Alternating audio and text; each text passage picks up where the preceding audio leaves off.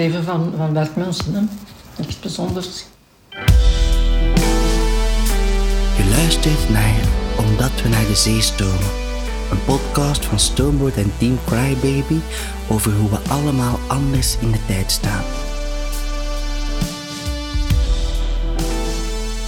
In deze eerste aflevering ga ik op bezoek bij mijn grootmoeder. Ik wist van niks.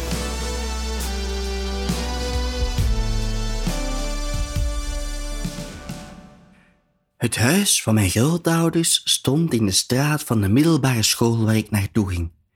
Het was een lange straat. Twaalf minuten met de fiets, vijf met de bus. Het weer bepaalde of ik voor twee of voor meer wielen koos. En dat huis van mijn grootouders was de rots in de branding van mijn opleiding, want tijdens de examens ging ik altijd studeren in hun studeerkamer. Wanneer ik aankwam, aten we soep, aardappelen, yoghurt met bruine suiker als dessert en één reepje zwarte chocolade als tweede dessert. We keken blokken en het journaal. En als ik ooit goede punten heb gehaald, dan had ik dat te danken aan mijn grootouders. Aan, aan hun studeerkamer en aan de soep, de aardappelen, de yoghurt met bruine suiker en de noir de noir. Tussen Ben Krabbe en Martin Dange verdween mijn oma naar de keuken om aardappelen te gaan halen. Mijn opa veegde zijn mondhoeken schoon, nam een slok water en keek mij strak aan. Hij stelde mij elke dag dezelfde drie vragen. Hoe was het? Goed. Wat heb je morgen? Geschiedenis. Gaat het lukken? Ja, ja. En tegen dan was mijn oma terug met de patatten. Mijn opa, Frans heette hij, Frans die had het niet zo voor de letteren. Hij was eerder een man die het moest hebben van zijn handen. Niks weggooien, altijd alles repareren. Toen ik ooit met kapotte skis terugkwam van vakantie, vervormden we die aan zijn werkbank. Nu ja, hij deed dat vooral tot een soort supersonische slee waarmee ik alle kinderen uit de buurt moeiteloos versloeg in de wedstrijdjes om het snelst van de besneeuwde heuvels chasen. Op een van de kasten in de eetkamer stonden een aantal ebbenhouten beelden. Een, een gebeeldhouwde slagtand. Ja, dat moet er niet op zijn. Nee, we hebben daarvoor, dat mag ik wel zeggen, eh, een attest aangevraagd. Ja. eh, om dat mogen in bezit te hebben. En dat is al betaald ook, maar daar komt niks van. Een gebeeldhouwde slagtand dus, een aantal ebbenhouten beelden en een schaalmodel van een Douglas DC-4 van Sabena. Want mijn grootouders, die hebben in Congo gewoond. Mijn mama, die is daar geboren. Samen met mijn oma en mijn tante vluchtten ze in 1960 terug naar België. Frans stond in voor de veiligheid van de toestellen van Sabena in Kinshasa en moest blijven. Later is hij alles blijven repareren alsof het essentiële vliegtuigonderdelen waren. Ja, we zijn getrouwd. En twee maanden nadien is opa vertrokken. Ja? En eh is dat drie maanden alleen geweest. Ik mocht niet mee. Omdat ze eerst moesten weten dat hij zich zou aanpassen aan het klimaat. Als je ziek zit, kun je er ook niet gaan werken. Hè? Nee. En dan ben ik opgegaan. En ik ben er gaan werken. Dat allemaal zo uitgezocht. Ik ben denk ik de vrijdag aangekomen en de maandag ben ik al aan werken.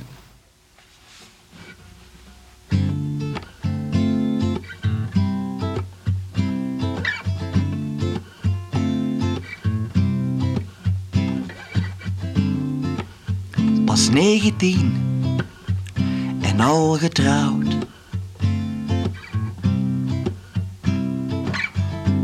Geen feest, geen taart, geen huis gebouwd. Loodrecht naar beneden, non-stop. Met een luchtbrug los je weinig op. Een nieuwe start in Congo. Je man stond in voor de tarmac. Vliegtuigen keuren was zijn vak. Loodrecht weer naar boven, non-stop. Met een luchtbrug los je alles op.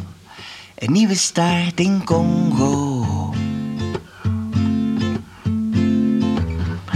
Bitter weinig weten wij over zonovergoten dagen. Bitter weinig zeggen zij over het verleden niets dan vragen.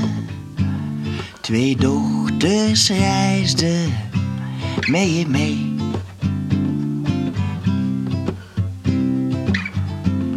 De Congo-stroom, hun hijst aan zee.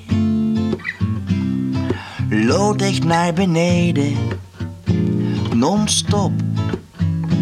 Met de luchtbrug los je weinig op. Een nieuwe start in Congo.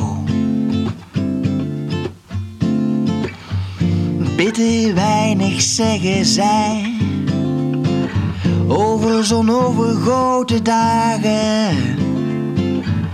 Bitter weinig weten wij over het verleden niets dan vragen. Alles gaat voorbij. Alles gaat voorbij. Alles gaat voorbij. Alles gaat voorbij, bitter weinig weten wij. Alles gaat voorbij over zonovergoten dagen. Alles gaat voorbij, bitter weinig zeggen zij. Alles gaat voorbij over het verleden, niets dan vragen. Oh, we zijn daar heel gelukkig geweest. Met al de miserie die daar geweest, geweest is, zouden we zeker gebleven zijn tot pensioen. Voor mijn grootouders stond Congo symbool voor iets nieuws, voor de start van een nieuw leven, ver van het naoorlogse België. Moest je geen koffie hebben of zo? Ik zit ondertussen in de nieuwe eetkamer van mijn grootmoeder. We, we drinken niet te drinken koffie zoals alleen grootmoeders die kunnen zetten en ik probeer het verleden te reconstrueren. Mondjesmaat rolt het verhaal over Congo over haar meestal zwijgzame lippen. Aan Frans kan ik het niet meer vragen, want hij nam al zijn herinneringen mee toen hij in 2012 stierf. Het enige dat hij niet kon repareren was zijn ouder wordende lichaam. Na het middelbaar ging ik geschiedenis studeren om, om verhalen zoals dat van Congo van de schroothoop te redden. En ook het verleden van mijn andere grootouders was de moeite waard, want terwijl de papa en de mama van mijn mama zich in Kinshasa uit de naad werkten om de vliegtuigen van Sabena veilig aan de grond te krijgen, zorgden de mama en de papa van mijn papa voor warmte in Brussel door steenkool, mazoet en vrij tot zeer illegale diesel te verkopen. Maar de laatste, dat weet u niet van mij. Toen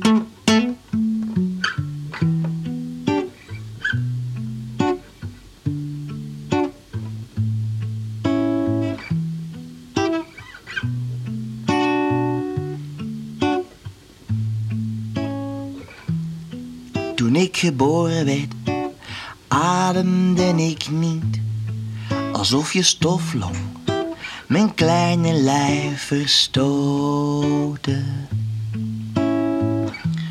Papa zat gebroken te wachten in de tuin, stille troost.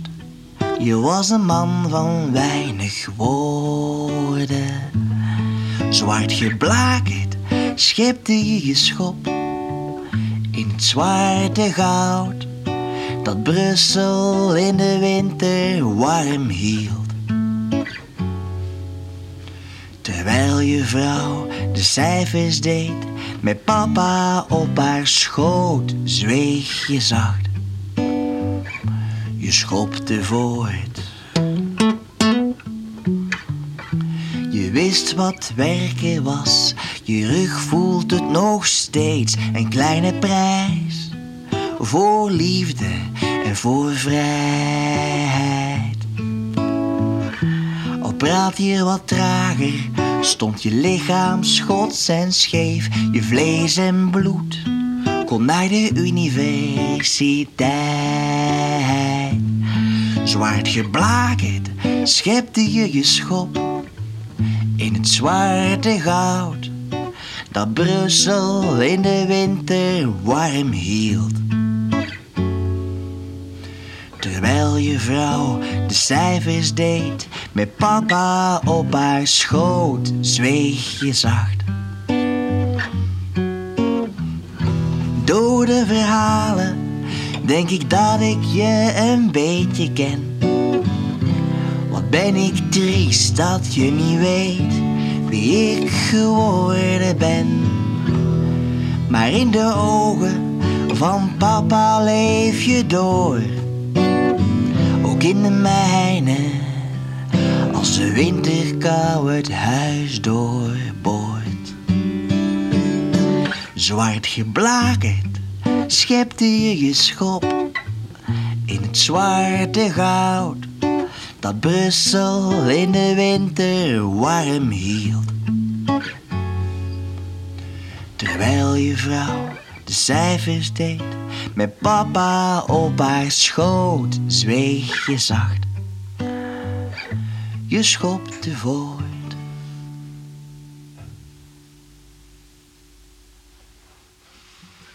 Ook de man met de schop, Jean, was zijn naam ook Jean, is er niet meer. En ik heb hem nooit gekend toen hij nog kolen schepte. Hij werkte zich tijdens zijn leven helemaal krom en, en eenmaal op pensioen had hij twee passies. De eerste was tuinieren. Hij had een gigantische tuin met de mooiste bloemen en planten en de lekkerste groenten. Als hij aardappelen plantte, was het vooral belangrijk dat de aardappelen op een perfect rechte lijn stonden. Organisatie. En eens geplant kon hij zo genieten van die organismen die beetje bij beetje openbloeiden enkel en alleen op basis van een klein beetje zonne-energie. En op zich is dat raar hè, voor iemand die, die zijn hele leven lang fossiele brandstoffen heeft verkocht. Als het slecht weer was, kroop hij achter zijn piano, zijn tweede passie. Ik heb nooit iemand ontmoet die zoveel oefende met een metronoom. Juist is juist, zei hij dan. Ik heb later veel aan hem gedacht toen ik drumde in een punkrockgroep en de zanger klaagde dat ik te veel versnelde. Had ik maar de werkethiek van mijn grootvader, dacht ik dan. Jean speelde een heel mooi stukje Bach, maar altijd met die metronoom. Wij vonden dat vooral raar. Mijn grootvaders waren erg verschillend en toch hadden ze iets gemeen, hun handen. Hun handen waren hun instrumenten. Of het nu over vliegtuigmotoren repareren, hopen steenkool scheppen, supersonische sleeën bouwen of pianoklavieren strelen ging, altijd werkten ze met hun handen. Ik, ik werk niet met mijn handen. Het enige dat ik doe is wild gesticuleren als ik iets vertel, maar dit is een podcast, dus dat kan u natuurlijk niet zien. Ja, de kinderen worden dan ook groter. En ons Monique die studeerde dan goed. De bedoeling was natuurlijk universiteit. Maar dat kostte ook genoeg wat dat kost. Dan heb ik gezegd, ik zal een deel, deeltijds gaan werken. Ja, een beetje bij te leggen. Ja. Werk was de basis van het volwassen leven van mijn grootouders. Fanatiek achtervolgden ze de droom om hun kinderen naar de universiteit te sturen, opdat zij de keuze zouden hebben om al dan niet met hun handen te werken. De eerste keer dat naar huis gekomen is, hebben wij een stuk grond gekocht in Steenokkerzee. En uh, als ze dan zogezegd definitief teruggekomen is, de eerste keer dan, hè, dan zijn we beginnen bouwen en is hier gaan werken. En dan hebben ze hem in 62 of zo teruggevraagd. Gevraagd om terug te gaan. Ah ja. En dan willen dat we gebouwd hadden, dat we heel nodig hadden, is hij terug vertrokken. Ja, dat was een groot verschil, ja. En ik, uh, ik kreeg bibbergeld, hè. Dat was 5000 frank toen. Voor de vrouw en 1000 frank per kind. Toen ik aan deze podcast begon, had ik nog twee grootmoeders, maar als je vertelt over de tijd, dan laat de tijd zich gelden door halstarrig verder te tikken. En ondertussen stierf ook Giselle, de weduwe van Jean, de vrouw die de boekhouding van het kolenbedrijf deed terwijl mijn vader, mijn onkels en tantes op haar schoot zaten. In de laatste fase van haar leven zocht ik haar af en toe op en bouwden we samen een brug tussen het verleden en vandaag.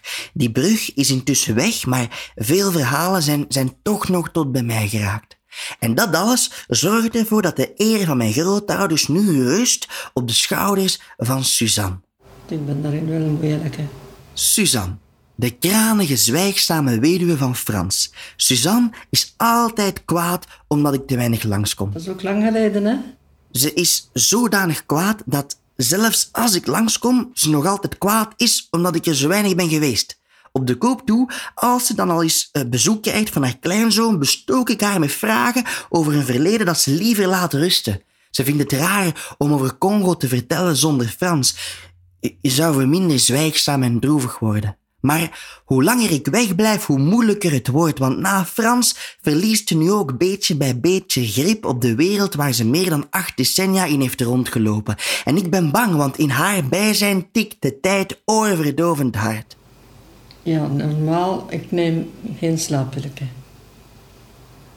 Maar uh, als het echt niet, niet gaat, normaal word ik altijd om een uur of twee wakker. En dan ga ik eens naar het toilet. Als ik dan niet in slaap geraak, ga ik deze nacht ook. Ja, dan ik eerst een uur wakker en dan zeg ik, ik toch niet meer in slaap geraken. Dan sta ik op en ik neem een half slaappilletje. Dan raak ik s morgens niet uit mijn bed. Hè. Soms om negen uur. Hè. Dan moet ik eerst één pilletje pakken.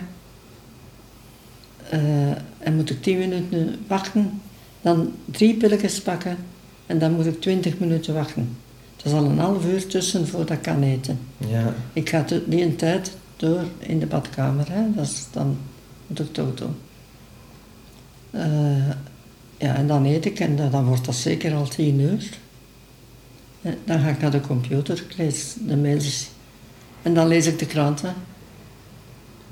Ja, en dan is het soms altijd om mijn eten van smiddag. Ik eet normaal, ik eet altijd smiddags. Ja. Uh, en uh, ja, is tijd om mijn eten te maken. Maar dan, ja, ik heb dat afwasmachine, zet ik erin die, die kan. Blijft er nog een en ander over. Dan zet ik dat er ook in, want dat is de moeite niet om af te wassen. En dan zet ik mij in de zetel en dat duurt. Ik moet wel zeggen, ik denk een glas wijn in mijn eten. Hè. Zet ik mij in de zetel en dat duurt geen vijf minuten voor slaap. Ah, ja. En dan moet ik moeite doen als ik wakker word om wakker te blijven. Want ik zal doorslapen. En dan, uh, ja, als het goed weer is, ga ik eens buiten. Maar in de buurt blijven, want ik heb schrik van te vallen. En dan, uh, dan uh, ga ik weer de krant lezen, nog een keer. En zo rond kwart voor zeven kijk ik, zet de kopen, kijk ik naar blokken. Dat begint om half zeven, maar ik moet niet weten wie die mensen zijn. het gaat om het spelletje. En dan is het niet om zeven uur en, en ja, dan is het, heb ik de keuze. Dag slapen gaan. Meestal is dat rond elf uur. Ja. Kan vroeger zijn ook. Ja. En dag is om. Ik heb niks gedaan.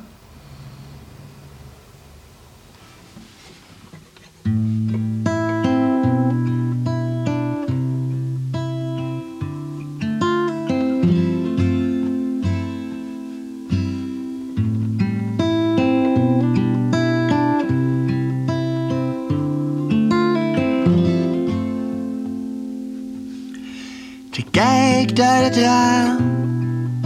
Ze heeft alle tijd, al weet ze niet meer wanneer ze hier kwam wonen. Al weet ze niet meer waar naartoe. Ze kijkt uit het raam, de dag tikt voorbij. Een meisje speelt stil met haar broers in de bomen. En mama hoopt dat niemand valt. Ik zou langs moeten gaan. Ik zou langs moeten gaan. Want wie ik ben voor haar verdwijnt zomaar langzaamaan.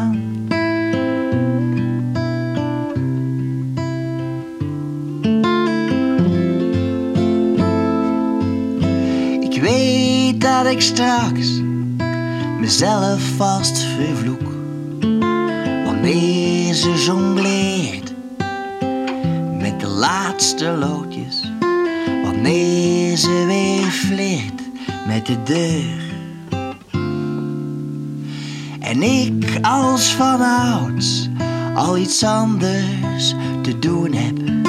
En nergens te landen.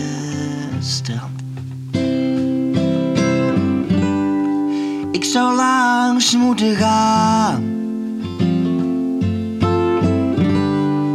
Ik zou langs moeten gaan. Want wie ik ben voor haar verdwijnt zomaar. Langzaamaan.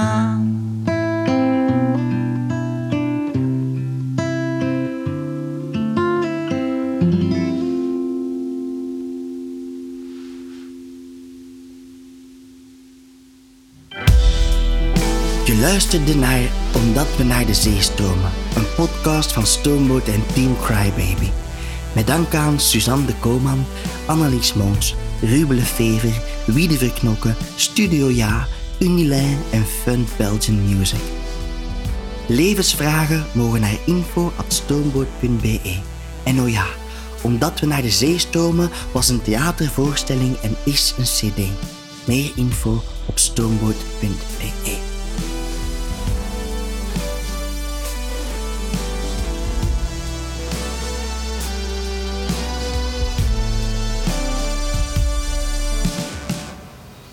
Ja, wat is er dan nog in mijn leven gebeurd? Hè?